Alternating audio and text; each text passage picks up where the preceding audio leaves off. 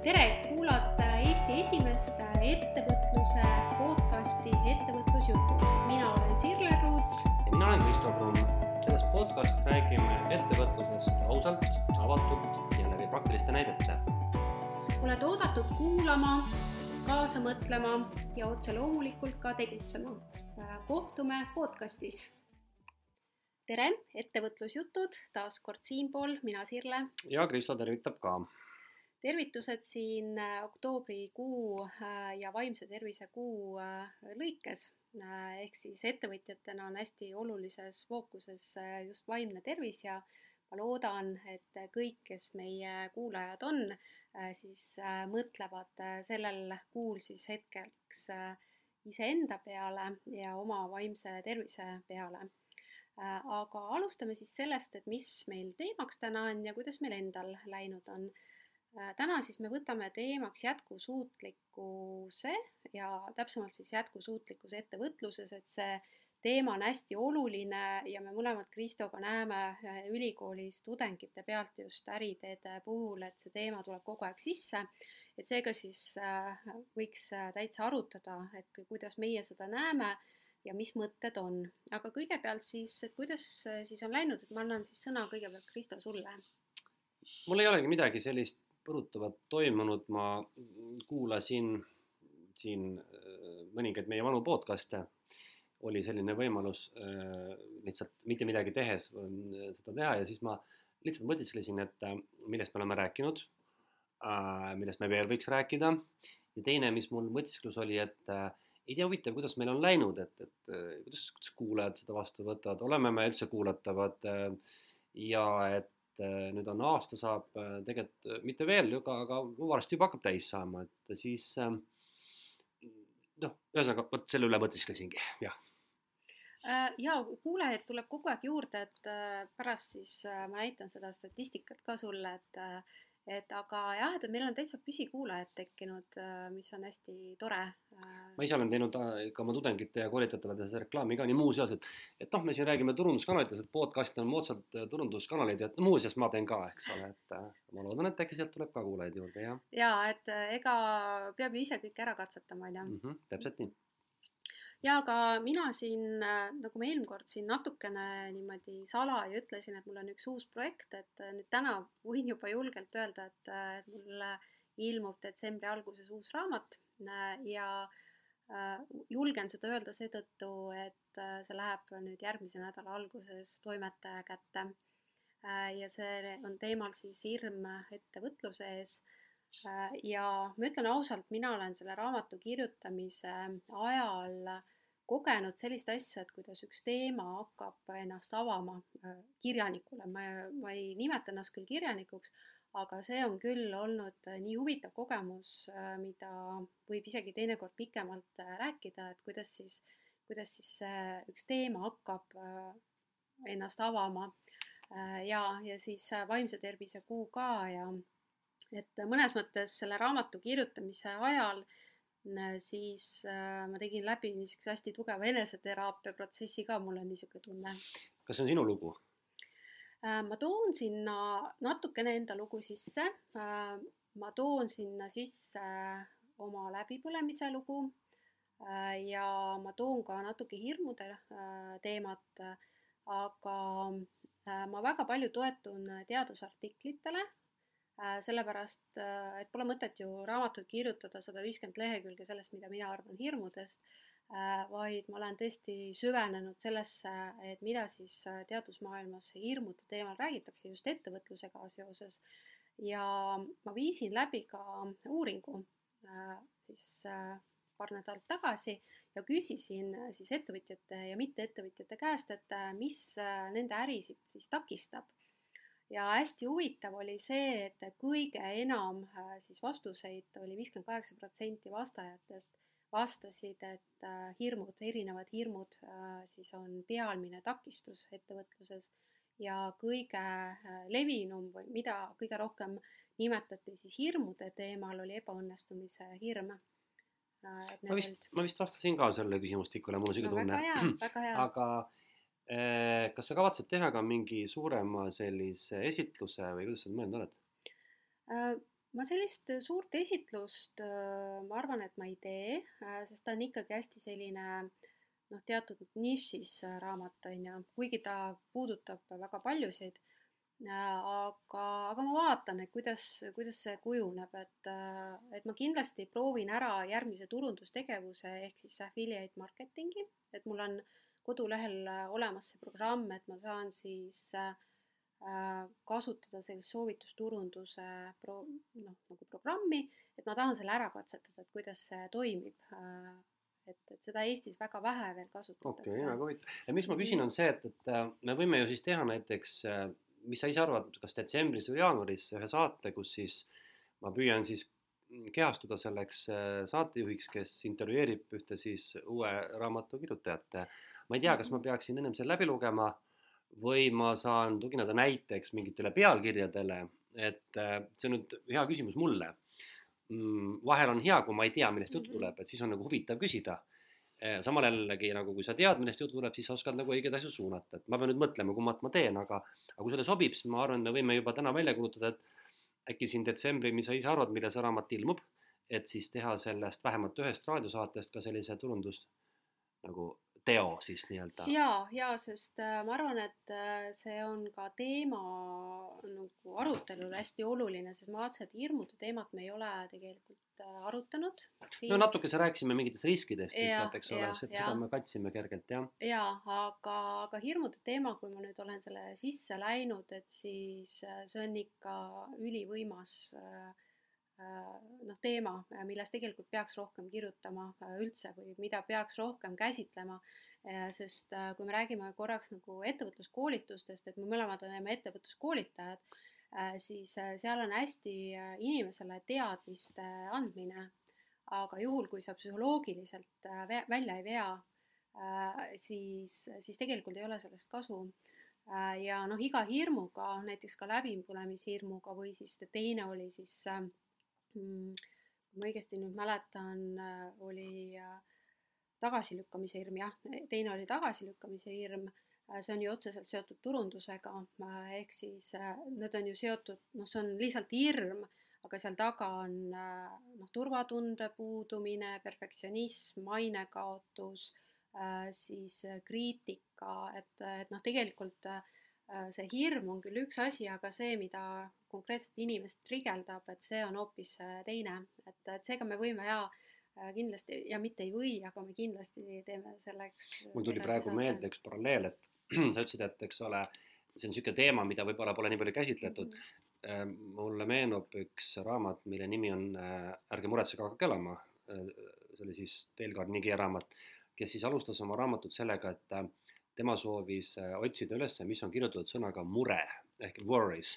siis ta läks raamatukogude, leidis äh, kuus tuhat raamatut äh, ussikestest ehk worms ja muud sellised sõnad, aga ta ei leidnud mitte midagi sõnaga mure. et sinuga on sama lugu natukene, et, et kui minna raamatukokku, siis hirmu teemal on, on kirjutatud veel õudusromaane, aga hirm ettevõtluse või mingite otsuste ees, et seda ei ole, et siis sa püüad täita kindlasti oma mingit niši, eks ole. jaa, sest äh, see pealkiri ja see teema tegelikult äh, sellele eelnes ka turuanalüüs jah, et, et ma vaatasin, et kas äh, sellel teemal on Eestis kirjutatud, ei olnud ja ma vaatasin, kas sellel teemal on otseselt või kaudselt kirjutatud inglise keeles inglise keeles on väga palju kirjutatud hirm edu ees. Äh, ja, ja seda ma olen ka isegi kuskilt kohenud, ja, ja hirm edu ees on ka üks ebaõnnestumise hirmu üks noh, ala niisuguseid hirme. Äh, ja see, see on hästi huvitav hirm, sest see väljendub meestel ja naistel erinevalt täiesti. ja, ja jah, jah, et, et selle kohta on aga jah, et, et, et see, et kes, et keegi oleks võtnud kõik need hirmud äh, ja, ja loonud seoseid, siis, siis seal saab minna mingite hirmudega täitsa lapsepõlve, et millal siis mingi asi noh, nagu kujunes. et seega, et see on kindlasti hästi, hästi vajalik äh, ja ma loodan, et äh, äkki siis äh, see raamat aitab e-, ettevõtlushirme ületada mm. -hmm, no kindlasti, aga lähme siis täna teemasse. ja äh, täna siis on teemaks siis jätkusuutlikkus ja nagu öeldud, et selle teema inspiratsioon tuli siis eelkõige Kristo poolt, et sellepärast, et sina oled siis siin täiskohaga õppejõud ka ja, ja mina olen ka märganud, et äh, eriti just tudengite äh, seas on see hästi-hästi oluline, et see on niisugune noorte inimeste selline südameteema, et see jätkusuutlikkus. ja kui ma hakkasin mõtlema, noh, kui sa tegid selle ettepaneku, siis ma natuke ehmatasin ära, mõtlesin, et noh, et, et issand, et ma üldiselt oskan kõigest rääkida, aga no vaata, sellest teemast küll ma ei oska mitte midagi rääkida. ja siis hakkasin mõtlema, et millest see tingitud on ja tegelikult mul on nagu mingid uskumused sellega seoses äh,. ma ei tea, et noh, eks sa täienda, noh, minu, minul on selline uskumus, esiteks noh, ma ei tea, mina väikeettevõtja, mis mõju mina avaldan üldse, noh, jätkusuutlikkus, esiteks on see, see on mingi ökovärk, on ju, et noh, mingi keskkonna säästmine, minu konsultatsiooniäri, kuidas see sinna puutub, on ju, noh, esimene uskumus. teine on see, et äh, mina selline väike tegija, et kui mina siin võib-olla Äh, ma ei tea, tühjendan oma postkasti, digiprügi jääb vähemaks, et noh, ma ei tea, milles, mis, millest see nüüd sõltub, on ju. noh, autoga ma ka ei sõida, et noh, et midagi ei ole. no siis teiseks on see, et või kolmandaks, et, et noh, et, et aga see on ju kallis, et, et mis ma siis, et kas ma siis peaksin kuidagi investeeringuid tegema selleks, et olla jätkusuutlik. ühesõnaga, sealt tuli hästi palju erinevaid uskumusi mis kõik viisid selleni, et noh, see mind ju ei puuduta. kuidas sul on? vaata mm,, mul on äh, mõnes mõttes samasugune tundmus olnud, aga kuna ma olen nüüd seda teemat nii palju saanud äh, kuulata, väidelda, isegi vahest vaielda, jääda eriarvamustele äh, koolitatavate tudengitega, siis ma olen saanud nende käest seda haritust natuke juurde ja, ja siin oli just üsna hiljuti mul üks loeng, kus me sellel teemal mm, kirglikult grupiga vaidlesime ja väitlesime, oli poolt ja vastu e, nii-öelda siis poolusi. ja, ja oli sama küsimus, et kuidas siis näiteks mina ja sina, me saaksime siis või et, või et nad, me ju töötame kodus näiteks, teeme Zoom'is, eks noh, kõik see värk sinna juurde ja siis ma sain aru, õigemini mitte ei saanud aru, vaid ma sain teada, et äh, täna on äh, olemas sellised mõõdikud, näiteks panganduses, kui sina tahad minna laenu küsima, siis võetakse sinu ettevõte, isegi kui sa oled üksik mikroettevõtja, ette ja mõõdetakse sinu jalajälge. näiteks, ahah, töötad kodus, nii, mida seal teed, palju sa energiat tarbid, kas sa teed seda säästlikult, kui palju sa oled panustanud sellesse, et sinu kasvõi seesama digiprügi näiteks oleks väiksema jäljega. Kas sa, ma ei tea, kasutad trükitud materjale või kasutad sa e-materjale. no a la vot niisugused mm -hmm. näited, eks ole, ma, ma ei ole selle teemaga nii professionaalne, et ma ei tea, kuidas see mõõtmine käib. aga eh, ma saan aru, et see on täna ikkagi laienenud nii, nii peeneks ja nii nagu see on ajanud oma need haarmed, see sihuke jätkusuutlikkuse mõõtmine ja see, see vajalikkus ja see vastutus nii nagu laiaks, et et kui me räägime nagu siis kaasa nagu akadeemilist terminitest siis tõepoolest ka iga väikeettevõtja, ka iga üksik inimene, ka meie sinuga äh, tekitame mingisuguse nii-öelda siis keskkonnalase jalajälje, mille tulemusena me siis noh, peaksime midagi mõtlema, see on nüüd üks aspekt. nüüd aga sellele eelneb tegelikult see vastutustundlikkus, millest mina olen rohkem aru saanud ja mis ka on olemas. ja see on siis see, et, et, et see jutt, mis meie räägime, see on ju õpetus, eks ole, ja see peab olema ka selline, et me ei räägiks äh, mitte ainult valejuttu, vaid et, et meie jutu tulemusena ju sünnivad mingid otsused. näiteks ütleme, me soovitame inimestel tegeleda ettevõtlusega sellisel moel või valida selline suund või, või teha siis ühte või teist või kolmandat moodi. ehk siis meie vastutustunne seisneb ka selles, milline meie õpetus on.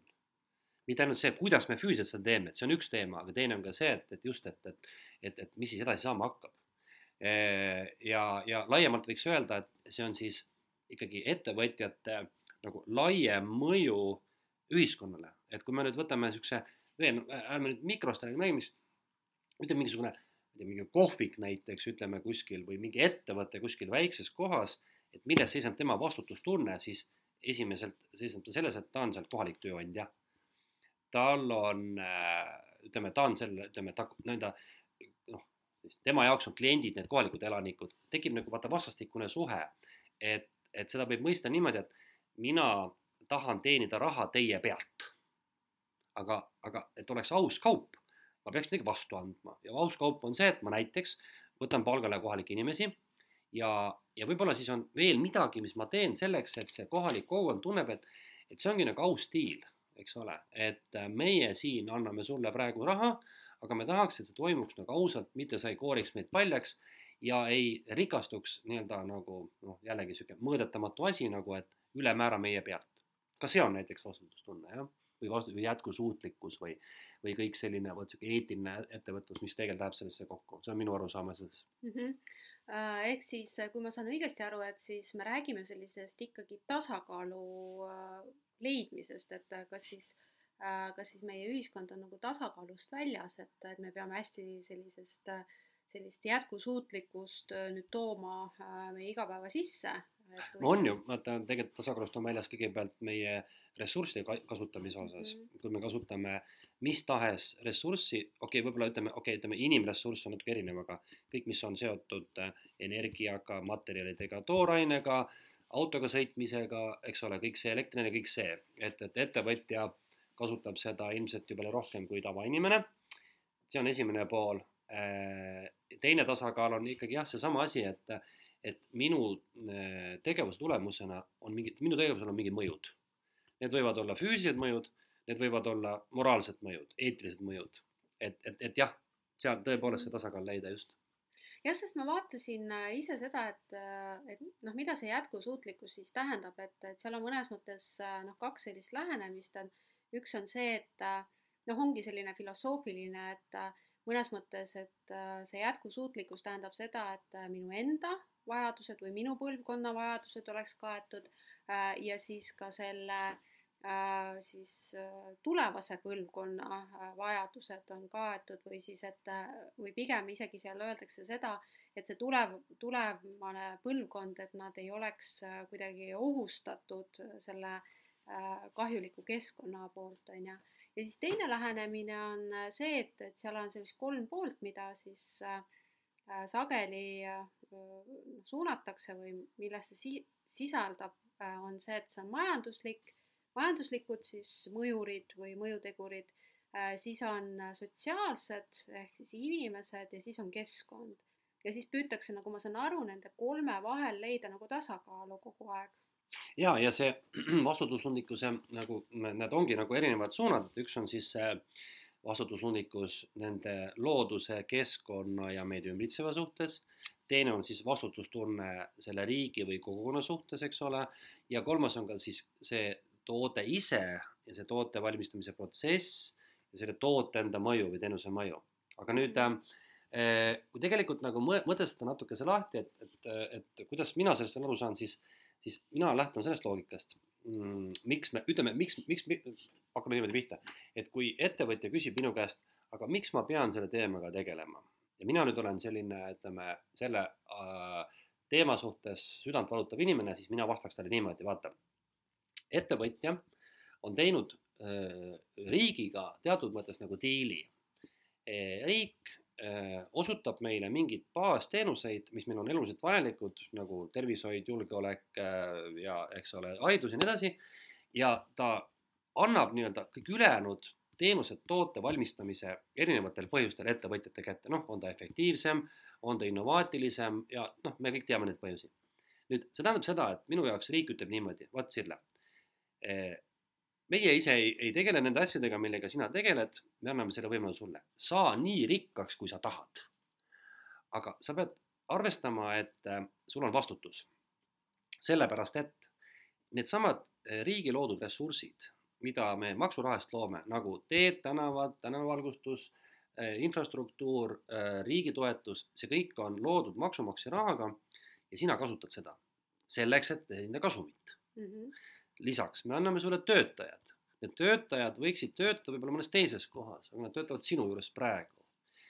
ja kui nad jäävad töötuks, siis tegelikult on see jällegi mingisugune nii-öelda sotsiaalne probleem kellegi jaoks et see kaup oleks aus, siis see tähendabki seda, et, et me lihtsalt ei rikastu selle ühiskonna arvelt, vaid me peame tajuma seda vastutust, mida me endale võtame sellega. ja see ei ole mitte ainult ühe pisikese piirkonna, vaid see on tegelikult ju riigis tervikuna.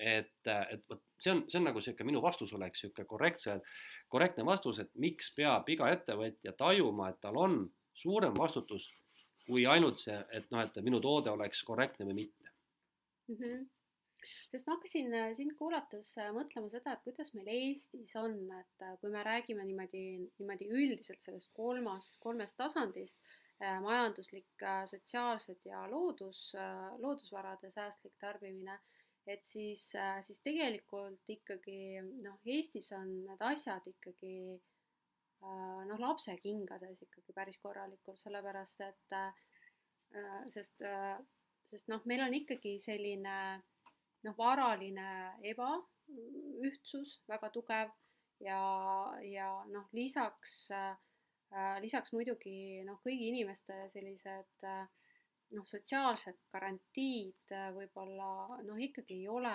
päris noh, meil on muidugi haigekassa olemas ja töötukassa olemas ja aga ma mõtlen niimoodi, et kui meil noh, kasvõi siin need näited, et kus kohas äh, Äh, noh, ma ei tea, muusikaõpetaja peab käima lisaks koristamas ja maasikaid korjamas. et noh, et, et siis päris ikkagi ei ole okei okay, minu arust mm,. eks ta on niimoodi nagu nüüd erinev, et vaata mm, suured ettevõtted, ütleme, pole sõna õige öelda, saavad lubada, aga neil on olemas võimekus ja teadmine ja võib-olla ka siis niisugune mingi vastutus on suurem, et nad panustavad palju tagasi kasvõi näiteks sama, et, et suured ettevõtted loovad meile siin terviseradasid, eks ole, ja mingid, korraldavad mingeid spordivõistlusi ja, ja teevad muid selliseid asju. Äh, väikeettevõtjatel, mm, ma arvan, et siin on mitu tahku, kõigepealt ikkagi paljudel on võib-olla see teadlikkuse teema mm. -hmm. sellega on niisugune huvitav fakt, et sa võid teha sellise testi, et kui sa küsiksid inimestelt, kas te hoolite keskkonnast ja loodusest, mis sa arvad, mis inimesed vastavad?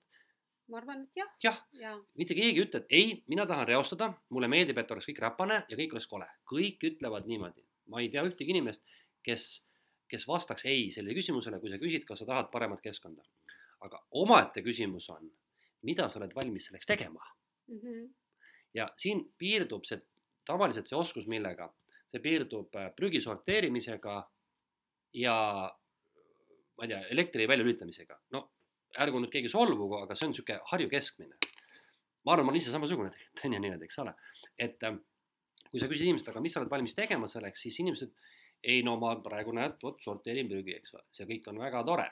aga kui sa nüüd paned nagu ennast ettevõtja seekord, siis ettevõtjale sellest prügi sorteerimisest jääb väheks. just nimelt sellepärast, et tema jalajälg ongi suurem. ja, ja see ongi see, et ühelt poolt on see teadlikkuse puudus, et ei teadvustata, et noh, milline see minu mõju on teine on siis ka see teema, et pole ka võib-olla sellist moraalset valmidust nende asjadega tegeleda.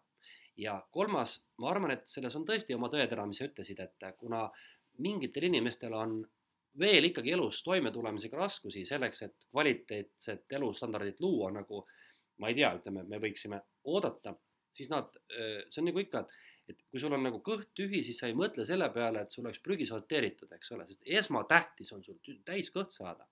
kuigi meil on selliseid noh, ütleme arvamusgruppe, kes ütlevad, et see on jama jutt, sest Eestis on elu juba nii hea, et iga inimene saaks ja võiks tegelikult oma ümbruskonna ja oma siis jalajäljega tegeleda. aga ma arvan, et see ikkagi päris niimoodi ei ole, et keskmiselt võttes noh, ma toon jälle näite, mis oli isegi šokeeriv. Eh, ma lugesin alles hiljuti, et soomlased mõõtsid oma miini, ei mediaanpalka. kogu Soome peal oli mingi kolm tuhat nelisada vist äkki, meil on tuhat. Et meie elu ei ole, Soome elu ei ole kolm ja pool korda kallim, mis tähendab seda, et kui on palgatase kolm korda kõrgem, siis tegelikult ikkagi järgi jääb rohkem kui meil, mis tähendab omakorda, et nendes riikides on see elustandard mõttes kõrgem ja neil on sõnas mõttes nagu aega ja võimalik mõelda ka nende asjade peale, millega täna Eestis paljud inimesed ei saa veel mõelda. Praeguste oludes, kus noh, elektrid, kütud, värgid, kõik on nii kallis, eks ole, siis ma saan täiesti aru, et inimestel nagu see, see hinnatõus jookseb eest ära ja nad taas keskenduvad selle peale ellujäämisele või noh, normaalse toimetulekule ja selline keskkonnateema läheb kaugemale või näiteks koroona ajal, kui palju me tootsime maski ja prügi, eks ole. selge see, et isegi targalt mõtlev inimene sai aru, et see on praegu, praegu on see korraks nagu pausi peale panek. aga kui see pausi nuppu keegi välja lülitada ja, ja jätkub kõik samamoodi, siis me jälle harjume ära, me ei mõtle selle peale, et, et eks siin on nagu erinevaid tahkusid, et ma nüüd arvan sellist asja ise, et äh, noh, kui mõelda, et mis siis nagu see tulevikus olla, mis see käitumis olla, siis, siis ega noh, ma ei ole ise ka nüüd mingisugune niisugune, kuidas nimetada, niisugune mürkroheline inimene. et ma nüüd tohutult iga asja peal mõtlen, absoluutselt iga asja peal mõtlen, et kas ma teen nii või naa, eks ma olen ka mugavalt käitunud. Aga mingites hetkedes vaata hakkab tekkima selline nagu ühiskonna surve. ja ma üldse, üldiselt eeldangi, et kui me täna räägime siin, et kuidas seda vastutustundlikkust tõsta, siis mina arvan, et selle, selle tõstmise taga peab olema keegi kõrgemalt, kas riik, ühiskond, lausa mingid normid, sest inimene on mugav. ja kui võimalik on, siis tehakse alati mugavamalt. Ja ühel hetkel, ma arvan, on niisugune lugu, me siin sinuga võib-olla näiteks viie aasta pärast räägime ja mingid teemad ei ole üldse enam nagu aktuaalsed, sest et see nii-öelda vastutustundlikkus nendes asjades on ammu saavutatud, aga see ei ole mitte sellepärast võib-olla saavutatud, et inimesed ise muutusid targemaks, vaid see on mingi ühiskonna surve, on ta siis seesama noorem põlvkond, on see valitsus, on see Euroopa Liit, jumal teab kes. ma Mhm. arvan, et see pigem töötab rohkem kui see, et paugust niimoodi inimesed hakkavad teisiti käituma.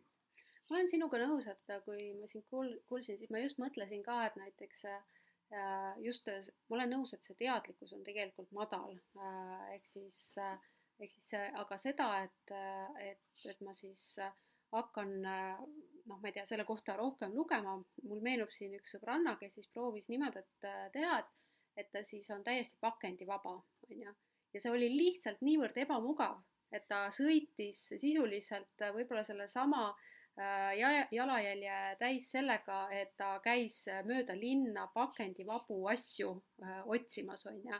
et ütles jah, et, et ta sai kaks nädalat olla täiesti pakendivaba, aga see oli lihtsalt niivõrd ebamugav, et, et noh, et, et ja ebamõistlik ka tegelikult ajaliselt, on ju. et seega noh, see noh, võta sa siis nüüd kinni, kus kohas see on, et, et ma olen nõus, et see saab toimida siis, kui ta on nagu üleüldine, ehk siis mina ka hea meelega noh, noh eelistaksin kas pakendivaba või, aga noh, jällegi see mugavus on ju, et, et see ei tohiks olla minu jaoks nagu ebamugav.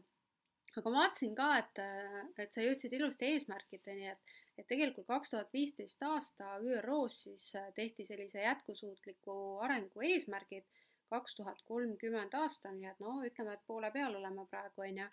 et siis äh, seal oli seitseteist eesmärki ja, ja, ja, ja noh, nad, ma ei räägi neid kõiki siin ette, aga üldiselt äh, siis äh, noh, mida siis see jätkusuutlikkus äh, suures plaanis tähendab, milleni soovitakse jõuda? kahe tuhande kahekümne kolmandaks aastaks, on see, et kõrvaldada vaesus luua sotsiaalsüsteemid, sooline võrdõiguslikkus ja võrdsus üldse inimeste vahel, kaotada nälg, vähendada surmasid, ehk siis inimeste eluiga oleks pikem, tagada kõigile haridus, tagada puh-, puhas toit ja vesi ja siis energia kaasaegne taastuv ja energiatõhusus. no mina, kui ma lugesin seda, siis mõtlesin, et noh, et, et kaks tuhat kolmkümmend on küll ideaalühiskond vist meil, et kommunism jõuab kohale et muresid ei ole, kõik on ideaalne mm, -hmm. elame sisuliselt äh, lõputult äh,, kõik on võrdsed äh,, kõik on puhas vesi, toit, nälga ei ole, et vaesust ka ei ole. no ma ei usu, et see muidugi niimoodi juhtub, see on selge jah. vaata, ma ikkagi nagu lähen sinna tagasi korraks hüppan, et ma usun, et see kõik on saavutatav, kas ta nüüd selleks kuupäevaks on, on omaette küsimus äh, paratamatult juhtub niimoodi, et mingid jõud meie ümber lihtsalt panevad meid teisiti käituma. Vaata sama pakendi näide. nüüd, kui mina oleks nüüd see, kes on vastupidi nagu püüab oponeerida, siis ma ütleks niimoodi, et aga, aga praegu ongi raske. praegu ongi elektriautot raske osta, laadimisvõrkusid ei ole, aga me töötame selle nimel ja varsti on see kõik olemas. ja see ei ole isegi mitte niisugune demagoogia, ma arvan, et see ongi paratamatus, eks ole. ehk siis tahtes selliseid noh, ikkagi suuri muutusi, mõtle, kui kaua me oleme elanud mingis ühes ajastus, kus meil olid, ma ei tea, bensiini- ja diiselautod ja me tegime teistmoodi. Aga mõtle praegu nüüd sedapidi, et, et märkamatult oleme sinna jõudnud, et näiteks ütleme, taarapakendi äraviimine ei ole ju enam nii ebamugav, on ju. või siis äh, päris paljudes kohtades on, on prügi sorteerimine ääretult lihtne. me siinsamas käime ülikoolis ringi see on muidugi omaette küsimus nüüd, et, et, et, et siin on, seal on midagi valesti läinud, et ma iga kord seisatan nende prügikasti ees, kus on viis auku ja siis ma mõtlen, et aga mis asi see nüüd nüüd mul peos praegu on? et kas see on biolagunev, on see pakend, on see taara, on see, ma ei tea, olmeprügi või jumal teab, mis siin veel kirjutatud on, et miks nad ei kirjuta, see on lihtsalt kohvitopsid, plastikpudelid ja paber, et noh, tundub, et nii on palju lihtsam oleks aga see nüüd on, ütleme, ma ütleks, et see on võib-olla nagu lihtsalt tegijatel juhtus aps. aga noh, ma tahan öelda, et, et vaat see on lihtne, eks ole. ma Tallinna Ülikoolis üks päev vaatasin, mis asi see siin on, kast on. küsin oma tudengitelt, kas te ei tea, mis kast see on? Ja vot see oli ka seesama nüüd pakendite tagasiandmise kast, need tead need toidukarbid, eks ole, ja ja ühel hetkel neid ongi ilmselt kõik kohad täis. et, et nii nagu, nii nagu need asjad muutuvad ühel hetkel on meil Tallinna linnas ka olukord, kus autoga ei pääse igale poole, ongi jalakäijad või tõuksid või jumal teab, kes asjad, eks on. et, et täna on see ebamugav, ma arvan, et homme jutumärkides on see lihtsam. aga kas me nüüd jah, niisuguse ideaalühiskonna jõuame, et see ongi palju loota, aga noh, eks eesmärgid peavad tihtipeale olema väga suured mm. -hmm noh, ma hakkasin siin mõtlema, et tegelikult äh, noh, eks muutus saab alguse ju igast inimesest endast, on ju. ja, ja noh, selge on see, et, et riik ei saa meile öelda, mida me teeme, et me peame iseenda tarbimisharjumust äh, muutma. et kui võtta neid äh, noh, need, need eesmärgid, et mida siis saavu-, saavutada soovitakse, et et noh, et, et mida siis mina näiteks väikeettevõtjana noh, saan, saan siin teha, on ju noh, võib-olla see, et ma võtan vastutuse tõesti iseenda heaolu eest, et äh, kui ma, kui ma siin, ma ei tea, töö lõpeb ära, et ma ei lähe, ma ei tea, noh, Töötukassasse, et ma püüan nagu ise kuidagi ikkagi äh, noh, enda, enda panust nagu ühiskonda anda, on ju, et, et noh, võib-olla midagi sellist. Või siis mm, või siis noh, enda tervise, tervise eest tegelikult ise hoolt kanda, on ju, et no ja ei, ise saab tegelikult ju palju teha, ma arvangi, et reaalselt on niimoodi, et väikeettevõtja saab ise teha ära need lihtsad asjad, mõelda eh, nende samade jalajälgede peale, eks ole. Äh, ja, ja noh, ütleme sealtpoolt, aga mina muidugi usun ja ma nüüd, nüüd toon sulle näite, et see tundub olevat praegu tee, kus meile kirjutatakse ette, mismoodi me peame käituma, sest tundub, et vastupidi ei saa. nimelt kaks päeva tagasi või kolm päeva tagasi, ei mäleta enam, mis oli ma kuulsin raadiost, et Euroopa Liit tuleb välja kahe huvitava muudatusega. kahe sellise väga karmi reegliga, mis puudutab rõivatööstust, mis on üks maailma suurimatest reostajatest. ja need on siis sellised, et esiteks äh, jõuga, seadusega pannakse piir, mitu kollektsiooni võib rõivatootja aastas müüa. ja mitu protsenti tema rõivastest peab olema taaskasutatav. väga huvitav. jah ja tundub, et muud moodi ei saagi. jah, nüüd äh, ja, ja see tundub räige olevat, aga ma jälle arvan seda, et ühel hetkel see ongi normaalne, see ongi normaalsus. et äh, ja mina Eesti ühiskonna mõistes usun seda, et nii inimesed kui ettevõtjad saavad ikkagi, ma, ma usun sellesse, et meie elu läheb üha paremaks. ja kui ma tõesti mäletan, et paarkümmend aastat tagasi ma mõtlesin, et küll on inimestel palju aega, nendel Greenpeace'i inimestel, neil pole muud teha kui sõita lihtsalt mööda merd mingi laeva juurde, ahelda ennast sinna külge ja siis protestida mingi vastu. küll neil on ikka aega. ja neil ongi seda aega, saad aru, neil ongi, neil on aega sellega tegeleda, ma olen lugenud ja kuulnud taanlasi näiteks, kes ongi niimoodi, et nad ütlevadki, et meil on, meil on, nad ise ütlevad, et meil on nii hea elu, me elame nii hästi elame, et meil on aega ja meil on soov tegeleda maailma parandamisega, nad on seda ise öelnud, see ei ole välja mõeldud asi see tähendabki, et ühiskond peab olema nii rikas, et nad saavad sellise asjaga tegelema. ja, ja kui sa vaatad, kes on nagu nii-öelda need eestvedajad sellistel, siis need on kas A, riigid, kes on jõudnud jõukustaseme nii kõrge nagu Skandinaavia riigid või väga kõva korraga riigid nagu Hiina, kus käib asi korra järgi, ütleb partei peasekretär, nüüd sõbrad, me teeme vot selliseid asju ja tehakse neid asju. aga nüüd ma olen ühe asja juurde, mis ma tegelikult arvan, mida ettevõtja praegu mõnes mõttes ootab ka eh, meid kuulajatena, et noh, hääkene küll, mis sellest kõigest kasu on? siis mina ütleks, et nüüd siin tuleb mängu ka meie vastutustunne ja jätkusuutlikkus on see, et, et ja seda ilmselt hakkavad tegema rahastajad.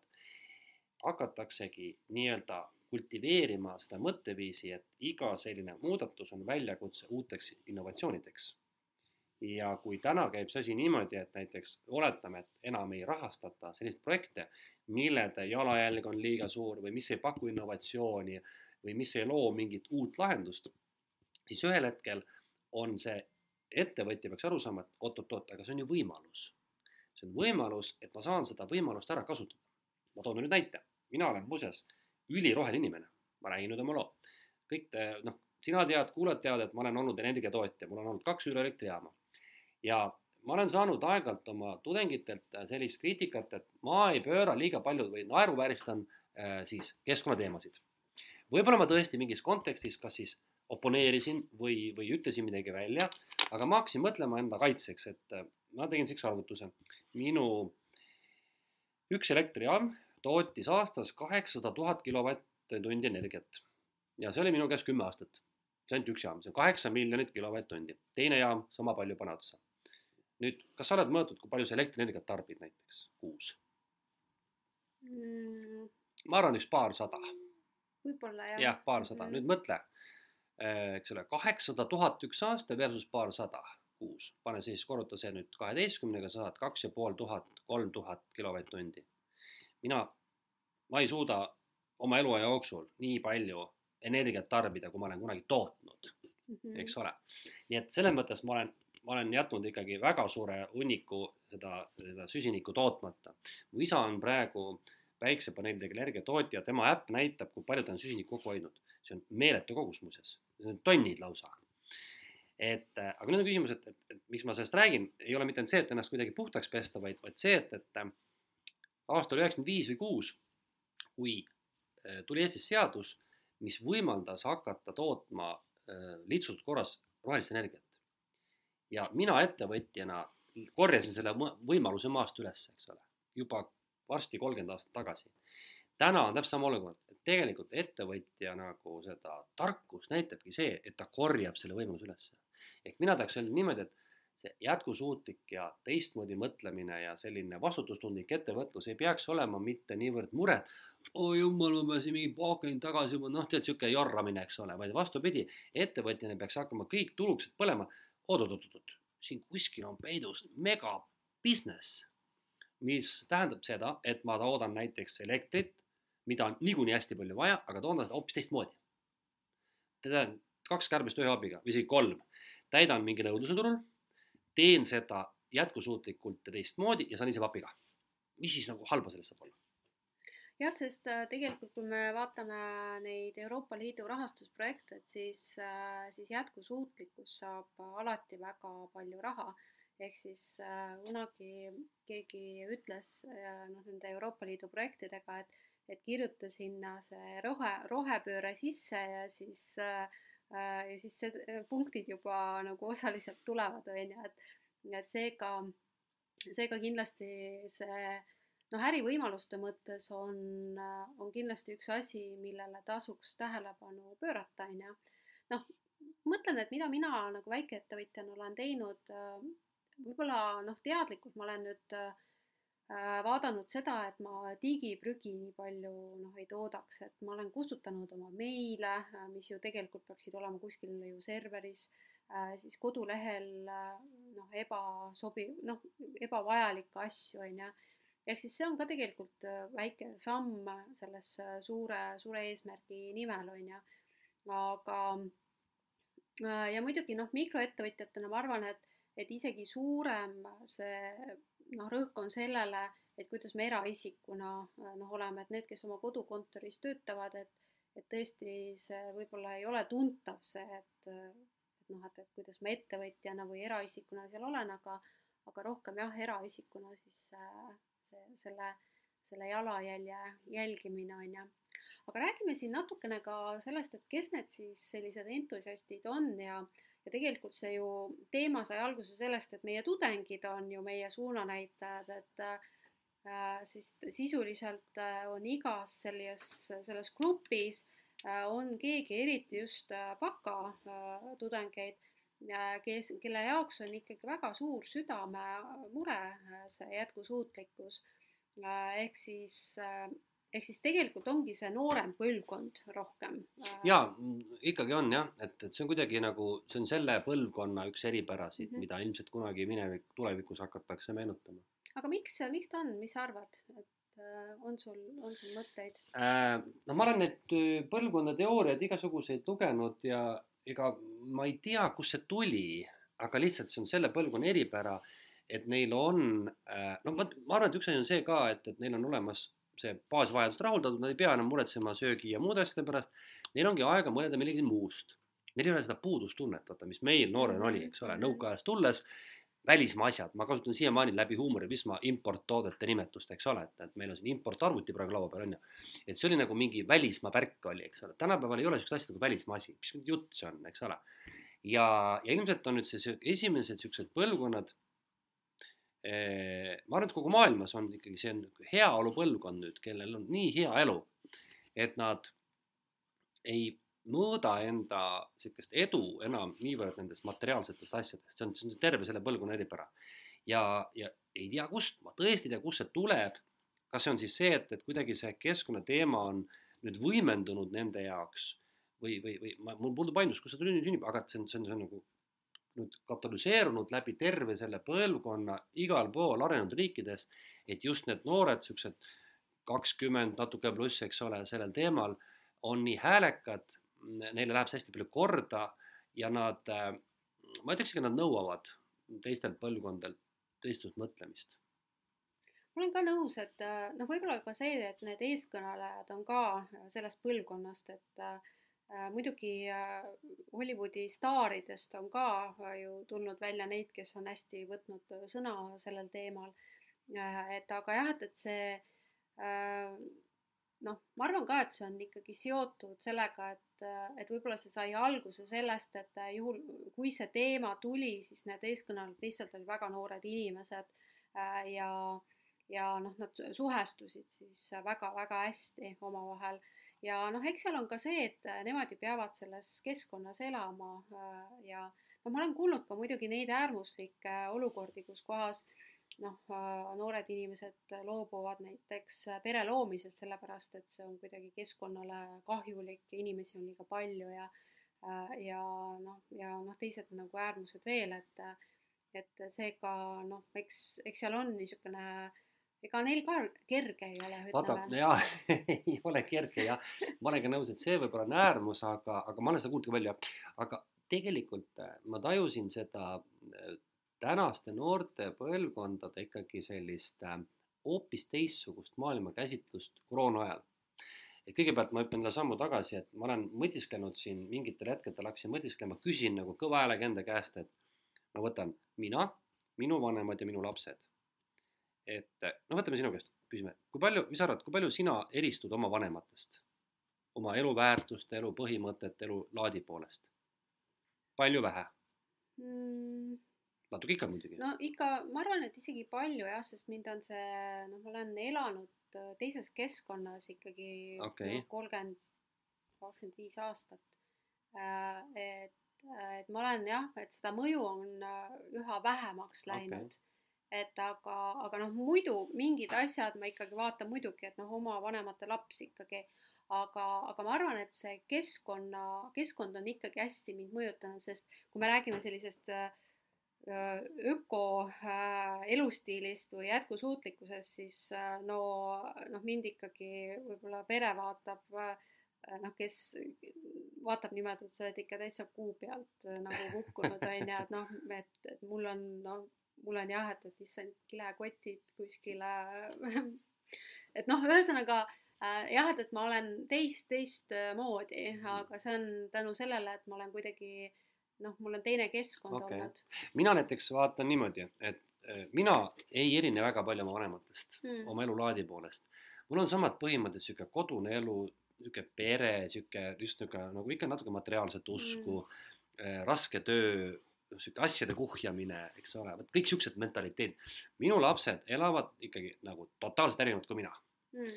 ja nüüd äh, see, see mõttetera tuli mul Covidi ajal ja see Äh, see, see, see inspiratsioon tuli sellest, kui ma hakkasin vaatama, kuidas siis sotsiaalmeedia hakkas äh, täituma sellistest noorte arvamusavaldustest, et äh, miks te olete vanemad nii vastutustundetud, miks te ei lähe vaktsineerima, miks te ei kanna maski ja siis ma hakkasin mõtlema, oot-oot-oot, vanasti oli ikka niimoodi, et kahekümnesed olid need, kes protestisid kõige vastu ja olid nagu, panen praegu teile siin pasunasse. ja vanad inimesed olid need, kes olid konservatiivsed ja, ja, ja nüüd vastupidi. nüüd olid need viie-kuuekümne aastased need, kes ütlesid, minge pekki. ja noored pidid minema oma vanemaid nüüd siis, eks ole, ma mäletan, kuidas, kujutate olukorda, mul mingi tudeng, eks ole, kahekümnendase alguses räägib, ma ei julge oma ema-isale külla sõita, kui vanaema-isa on viiskümmend. miks sa ei julge? no sellepärast ma viin neile haigust, surevad ära. mis jutt see on? mis jutt see on, ma mõtlesin küll, eks ole. ja ma tõesti küsisin Facebookis nagu avalikult, et äh, milles see probleem on, et kas te tõesti nagu ja kuidagi ongi teistmoodi, saad aru, neil on mingi mega teistsugune vastutustunne mm. -hmm. ja nüüd, kui sa paned see kõrvale, selle vastutustunde ja hoolivuse, mitte ainult see keskkond, vaid ka ütleme, kogu see äriajamise eetika ja kogu see raha teenimine, et see ei ole nagu noh, papp papi pärast, vaid see peab olema mingi suurem väärtus, siis ma ütlengi, et ongi see hüpe hoopis teistmoodi. ehk tänased noored oma vanematega võrreldes mõtlevad tõenäoliselt ikkagi hoopis teistmoodi. ja mitte ainult selles ärivaldkonnas, vaid ärga erinevates valdkondades mm. -hmm. jah, see on hästi huvitav jah, et, et äh, et millest, millest see on nagu tingitud, on ju, et noh, kui vaatame seda nooremat põlvkonda, siis siis noh, nemad on interneti ja mobiiltelefoni põlvkond, on ju, et, et noh, võib-olla ka see on tingitud sellest, et et äh, nad tunnevadki, kuna nende infoväli on maailm. teistsugune, ja, teistsugune äh, ehk siis äh, vanema põlvkonna jaoks on ta olnud hästi lokaalne, neil on globaalne ja noh, nad tunnevadki muret delfiinide pärast, kes, kes hukkuvad või vaalade pärast, et, et sest, sest lihtsalt jah, et sellel ajal siis, kui võib-olla meil oli, meie olime selles vanuses, et noh, mina mäletan ka, kui ma olin, ma ei tea, kakskümmend kakskümmend viis, äh, siis äh, minu eesmärk oli ikkagi äh, õppida ennast hulluks ja siis saada veelgi hullem töökoht. nii ikka, ikka ja, ja, ja, ja saada palju raha, eks ja, ole, just, just., raha raha pärast. aga nüüd, kui sa mhm. vaatad nüüd, võtame nagu selle, selle, selle jätkusuutlikkuse, mis ei puuduta ainult keskkonda, vaid ka nagu äri ise, siis, siis täna mm, noh, mitte kõik, aga kindlasti pigem rohkem kui vähem nendest noortest ettevõtjatest, keda me siin iduettevõtjateks tituleerime, eh, püüavad ju luua midagi sellist, mis noh, sõna otseses mõttes parandaks maailma mm. -hmm. eks ole ju. ja nad räägivad sellest õhinaga, nad usuvad sellesse ja nüüd, kui mina mõtlen ennast, et mina selles vanuses, mina mõtlesin täpselt sellele, et ma olen nõus kasvõi sitta ühest kohast teise viskama, et saaks pappi, et saaks osta uue auto endale. see oli minu ainukene unistus. ja mingi maailma parandamine ei olnud teema, eks ole ja kui see maailma parandamine ka oli, siis see oli lihtsalt kõrvalnähe, eks ole, tegelikult. ma sain sellest aru. kui oli valiku, kui oli kaalukategoorial, kas, kas rohkem raha või, ja, ja mustem majand, mustem äri või ro, vähem raha ja puhtam äri, siis ma valisin ikka rohkem raha. täiesti selgelt kohe, see polnud küsimustki, mhm. sest et see puudustunne kõigest oli nii suur, see mahajäämus sellest välismaast oli nii suur, et ma ei saanud endale lubada, et ma teen asju jätkusuutlikumalt, väiksema kasumlikkusega, vastutustundlikumalt, sest et see lihtsalt ei tulnud kõne allagi. täna on see probleem paljuski juba lahendatud, nagu ma ütlesin. jah, sest äh, noh, tegelikult äh, põhiprobleem on tegelikult see, et ikkagi noh, miks see erinevus on, mis meie jutust nagu tuleb välja, et et noh, kui sa oled ikkagi vaene, siis sa ei mõtle selle peale, et siis sa püüad kuidagi saada endaga hakkama ja siis sul on rohkem see fookus iseenda heaolul. jah, ilmselt küll ikka. ja, ja kui noh, kui sul on äh, jah, et, et, et kui sa, ma ei tahagi öelda, et, et noored inimesed on väga rikkad, on ju, aga neil on see turvavadi nagu olemas ikkagi noh, vanemate näol, kes siis on tegelikult väga palju sinna panustanud. et, et seega, seega jah, et, et see on natuke teistmoodi jah. ja kui sa nüüd ma nüüd eh, noh, natukene võib-olla siis kaitseks nüüd vanemat põlvkonda, siis, siis noh, vaadata näiteks meie ühiskonna tegelasi või selliseid inimesi, siis oleks hea teada, et kas see, mida nad välja räägivad, on nende hingevalu või on see, et nad tunnevad oma vastutust oma sõnade ees, näiteks poliitikud. Nad peavadki rääkima sellist juttu. aga kas nad tegelikult nagu seda seest niimoodi sada protsenti usuvad? ma olen täitsa kindel, et minister, Riigikogu liige teeb samamoodi, sõidab, ma ei tea, bussiga ja, või, või käib jala ja sorteerib prügi. aga ta teeb seda täiesti teistsugustel sisemistel ajenditel, kui teeb see noor inimene. Ma olen, ma olen enam kui veendunud mm. -hmm. see on see, et nagu, et, et küsimus sulle, et kas sa sõidad autoga üheksakümnega sellepärast, et, et on, on piirkiirus, see on niimoodi seaduskirjas, või sõidad sellepärast, et see tundub sulle olevat eetiline eks ole, täpselt niimoodi ongi. täpselt sama küsimus mm. -hmm. mina sõidan palju sellepärast lihtsalt noh, nõutakse niimoodi, ma paneks kohe saja kahekümnega, kui vähegi võimalik oleks, on ju niimoodi. Mhm. aga on mingid inimesed, kes teevad vastupidi. Et näed, see on, see on, vähem kütust tarbiv ja ohutum mulle ja nii edasi, eks ole, noh, vot see ongi see sisemine erinevus. see tähendab seda, ma tahan öelda, et me väga paljud käitume tegelikult ja ettevõtjatena suht vastutustundlikult, me tunnetame seda vastutust. aga see tuleb meile, meieni teistmoodi. kunagi oli sihuke, ma ei tea, hea oleks seda uuringut uuesti teha. see oli mingi kahe tuhande mingi siin viisteist või mis aastal tehti üle-Euroopaline uuring ettevõtjate seas erinevates riikides ja see uuring küsis sellist asja. see oli niisugune asi, et ettevõtjad pidid hakkama korjama pakendeid, noh, tagasi võtma pakendeid ja seda vist tasustati minu arust. ja siis küsimus oli, et kui ei tasustatud, kas te võtaksite ka tagasi, siis idapoolsed riigid mingil juhul ei võtaks, aga Kesk-Euroopa ja Skandinaavia riigid muidugi võtaks tagasi. nii et noh, huvitav oleks, kuidas nüüd küsimus on. mm. -hmm. Ja sest äh, jah äh,, selles mõttes on hästi huvitav teema, et äh, kuidas ma siin noh, sama aeg mõtlen ka ennast, et et, et noh, kuidas ma, kuidas ma nagu käitun, et et selles, selles osas on huvitav vaadata, et umbes huvitav, kuidas ma kümne aasta pärast, milline ma siis olen, kuidas see keskkond ja kõik nagu mõjutab, on ju. aga ma tahtsin sul küsida seda, et, et, et see teema ei jääks võib-olla liiga teoreetiliseks, et äh, siis milliseid ideid äh, tudengid äh, siis äh, mudeldavad siin? Äh, ma võtaks niimoodi, laias laastus on need ideed sellised, et võetakse mingisugune igapäevatoodeteenus Mm -hmm. ja püütakse see panna siis öö, kas rohkem või vähem digitaalsesse kasti. et, et seda asja ei peaks tegema enam nagu füüsiliselt. see on üks oluline asi. et kui ma mõtlen neid jätkusuutlikku ideid, siis ikkagi ta taandub väga paljuski selleni, et meil tudengid saavad aru, et ähm, ei ole mõtet luua uusi kassiäppe ja ei ole mõtet ka toota füüsilisi karpe niisama, vaid et just nimelt, et meil on mingid täiesti tavalised teenused, näiteks sama see mingi toidu vedamine, kuidas seda saaks teha jätkusuutlik, kuidas seda saaks nagu keskkonnasõbralikumalt näiteks, eks ole, vot lihtne näide on ju niimoodi. või et, et, et kuidas nagu näiteks ütleme, mingisugune, mingi teenus, mingi näiteks, mingisugune, ütleme näiteks äh, internetis olevad mingid äh, erinevad teenuseportaalid, kuidas nad siduda ühte niimoodi, et oleks vähem aega, ressurssi ja raiskamiskulu? Et ma ütleks, et see üks koondnimetaja kindlasti on selline. Ja, ja, ja see võib olla tihtipeale ka füüsiline tegevus, aga see on hästi palju suunatud ikkagi sellisele kokkuhoiule, et näiteks noh, meil täna ei ole ju tegelikult lahendatud selline küsimus nagu toidu raiskamine, sellest on proovitud teha igasugu asju. see on üks näide, eks ole, et noh, toit jääb üle, visatakse ära, nüüd tuleks leida lahendus, kuidas seda vähendada, eks ole, vot et karbi näide on ju hea näide, see on sama asi, et need karbid ei rändaks prügikasti, vaid mõeldakse välja mingi lahendus, kuidas oleks mugav seda raiskamist vähendada ja teha samas inimestele see nagu just nimelt nagu käeulatusse. see on päris suur väljakutse, sellepärast et äh, et jah, et, et need toimivad ärimudelid, need on ju mugavad ja meile igapäevaselt armsad ja, ja kuidas sa nagu teed mingit asja siis nüüd teistmoodi täiesti? Äh, et selles osas jah, et, et need tudengid on hästi nutikad, et no sageli on ka jah, see prügi sorteerimine, see on olnud läbi aegade, noh, vaatan viimastel aastatel, et et küll sorteerime ühtpidi ja siis teistpidi ja, ja eks noored, noh, kui sa oledki noor, siis, siis tulebki seda minu arust ressurssi ära kasutada, sellepärast et noh, meie ajal siis, kui meie, meie olime noored, meil läks kogu aur sellele, et ennast üles töötada, on ju.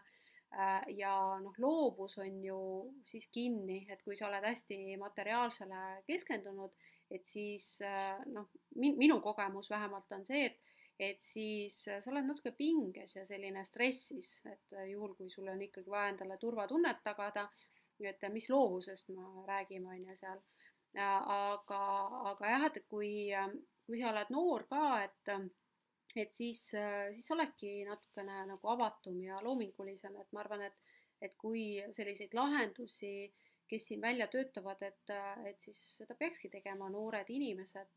kuigi nüüd ma kaitsen natuke vanemaid ka, et ma ütleks niimoodi, et, et kuigi noortel võib-olla on see maailma parandamise soov number üks ja siis selle läbi luuakse selliseid uusi lahendusi, siis vanematel ettevõtjatel võib-olla on ikkagi see raha teenimise soov mm. -hmm. aga nad teevad nii, nagu mina just kirjeldasin, nad otsivad üles selle võimaluse mm. -hmm. aga noh, eesmärk on võib-olla siis noh, nagu raha ka teenida, eks ole, või, või ütleme, võib-olla see on isegi esimene.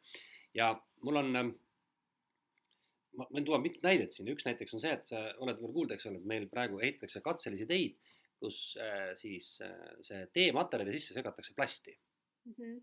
Et äh, vähendada siis esiteks leida sellele plastile rakendus ja vähendada siis mingi muu aine, eks ole, kasutust et muidu see plast ei leia rakendust, et siis paneme ta teesse, see tee äkki peab vastu äkki selle tee rajamine odavam, näiteks. mul on üks sõber, kes, äh, kes on kõva taaskasutaja, ta on olnud terve elu tegelikult.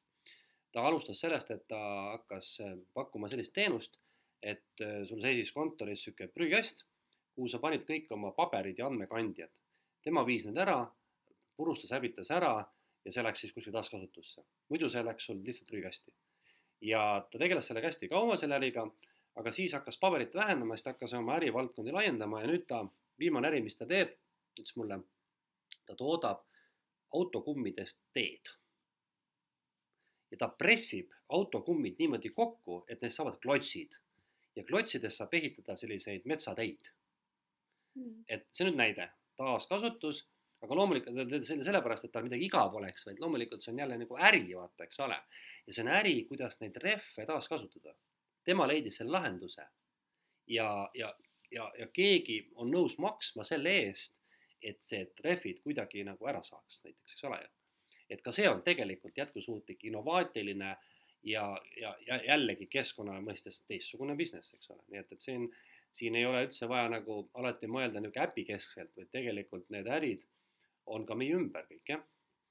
et seega siis äh, tasub äh, mõelda sellele, et äh, et võtagi oma selline igapäevane tarbimisharjumus, käitumisharjumus ja vaadata, et okei okay,, et kuidas seda saaks teistmoodi sisuliselt. ma arvan küll jah, eks see, see on loovuse ja, ja innovatsiooni ja juhuse küsimus ka, mõnikord see mhm. satub sulle endale silme ette, et mm -hmm. oi, et aga seda võiks küll teisiti ju teha, eks ole noh, siin jällegi, kui minna tagasi toidu raiskamisele, siis mina olen küll väga keskkonnasõbralik, et äh, mina püüan teha nagu külmkapis kõik, mis äh, esiteks ma ei osta üle, et mul ei lähe toitu raisku üldiselt äh,. ja ma püüan alati teha noh, mingeid kombinatsioone niimoodi, et et ma kasutan selle toidu kõik ära. Äh, et iga hommik on siis seljanka või?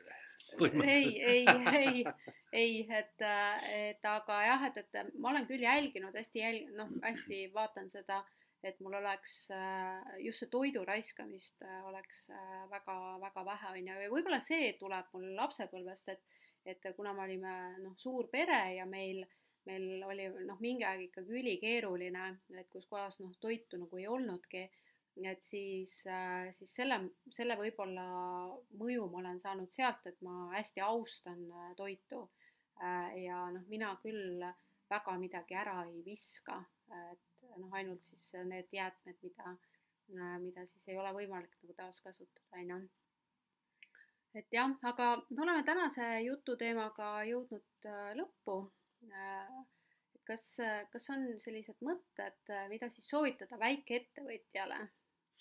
No mm, kõigepealt ma arvan, et, et ei oleks, ei taha nüüd õpetaja olla, et eks see jätkusuutlikkuse teema peaks jõudma, mina usun, ütleks niimoodi viisakalt, las see jõuab iga inimese enda teadvusse. ükskõik, kas see tuleb siis sellelt, et riik niimoodi ütleb või see inimene tajub, et nii on õige. et, et see on üks asi, et, et ütleme siis niimoodi, et, et, et ettevõtja ja inimese enda tegevus jätab mingi jälje ja, ja üks osa jätkusuutlikkusest ongi see, et, et see jälg oleks väike teine on siis see, et, et mõtle oma toote-teenuse mõju peale, et ka see on jätkusuutlik ja, ja, ja selline, ütleme, vastutusundlik äri, kui sa ei paku selliseid tooteid-teenuseid, mis on kahjulikud näiteks. ja kolmas variant ongi see, et, et, et tõeline ettevõtja praegu pigem mitte ei nuta, et energia on kallis ja, ja ma pean kõiksugu asju tegema, vaid mõtleb, kuidas ma siin leiaksin mingi uue väljundi jah, see uue väljundi mõte on küll väga hea, sest äh, täpselt nagu ma ei tea, viisteist aastat tagasi anti Euroopa Liidu raha kohvimasinate ostmiseks, siis nüüd on see jätkusuutlikkuse teema äh,. ehk siis tuleb lihtsalt äh, olla nutikas ja leida neid lahendusi äh,. mina soovitaks veel seda, mida mina, mis mind on võib-olla natukene äh, motiveerinud seda ettevõt- või jätkusuutlikkust tegema just läbi toidu, et mul tekkis see seos siin praegu jooksvalt et juhul, kui siis ikkagi leida selline rahaline sääst, ehk siis jätkusuutlikkus tegelikult ju selle mõte on ka see, et me ei tarbi ülemäära ja, ja sellest peaks ka tekkima selline majanduslik äh, sääst endale. et võib-olla siis selline soovitus, mida mina võtan ka endaga siin kaasa, et ma jälgin seda, et ma ei tarbiks mõttetult äh, esiteks äh, mingeid tooteid ja teenuseid.